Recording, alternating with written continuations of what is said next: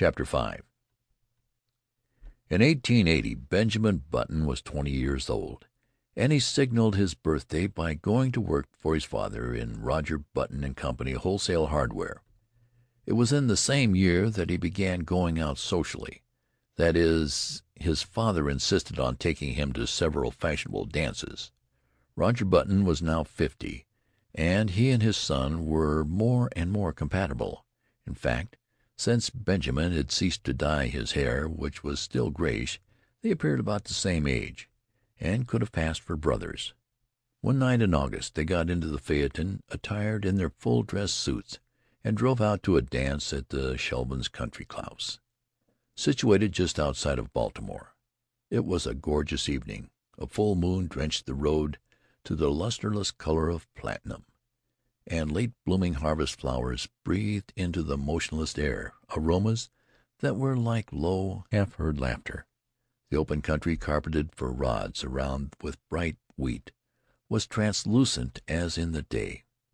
It was almost impossible not to be affected by the sheer beauty of the sky. Almost. "There's a great future in the dry goods business," Roger Button was saying. He was not a spiritual man; his aesthetic sense was rudimentary. "Old fellows like me can't learn new tricks," he observed profoundly. "It's you youngsters with energy and vitality that have the great future before you." Far up the road the lights of the Shevlins' country house drifted into view, and presently there was a singing sound that crept persistently toward them.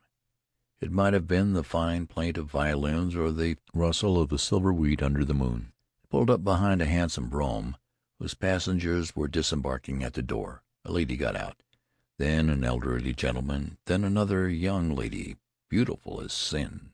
Benjamin started. An almost chemical change seemed to dissolve and recompose the very elements of his body.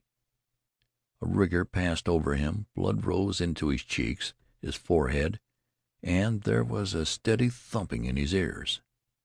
It was first love. The girl was slender and frail, with hair that was ashen under the moon and honey colored under the sputtering gas lamps of the porch. Over her shoulders was thrown a Spanish mantilla of softest yellow, butterflied in black. Her feet were glittering buttons at the hem of her bustled dress. Roger Button leaned over his son.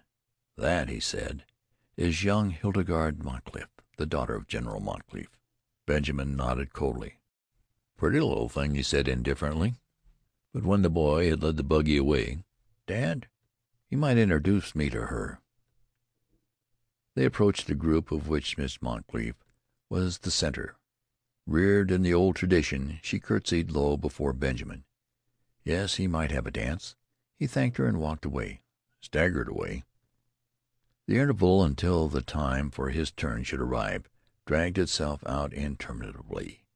He stood close to the wall, silent, inscrutable, watching with murderous eyes the young bloods of as they eddied around Hildegarde Moncrief, passionate admiration in their faces.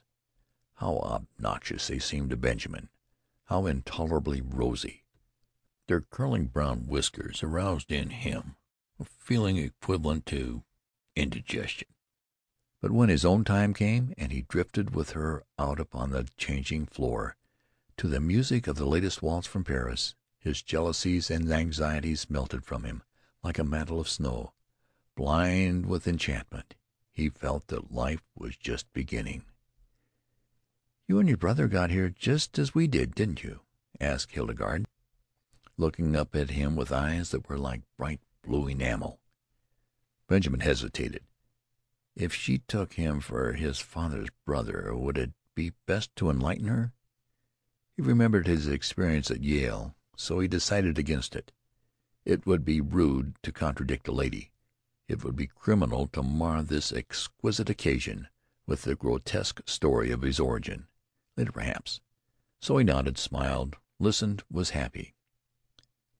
"I like men of your age," Hildegarde told him. "Young boys are so idiotic.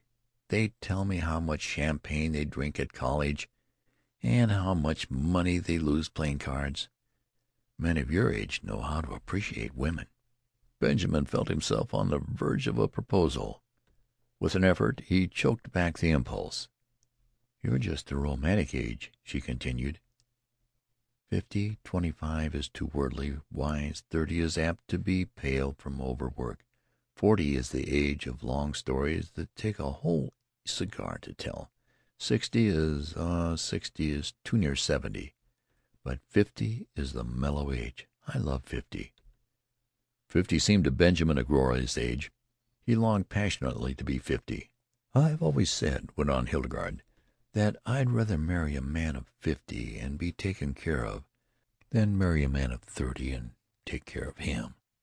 Benjamin the rest of the evening was bathed in honey colored mist. Hildegarde gave him two more dances, and they discovered that they were marvelously in accord on all the questions of the day. She was to go driving with him on the following Sunday and then they would discuss all their questions further. Going home in the phaeton just before the crack of dawn, when the first bees were humming and the fading moon glimmered in the cool dew, Benjamin knew vaguely that his father was discussing wholesale hardware. "And what do you think should merit our biggest attention after hammers and nails?" the elder Button was saying. "Love," replied Benjamin absent mindedly. "Lugs!" exclaimed Roger Button. "Why, I've just covered the question of lugs." Benjamin regarded him with dazed eyes just as the eastern sky was suddenly crackled with light, and an oriole yawned piercingly in the quickening trees.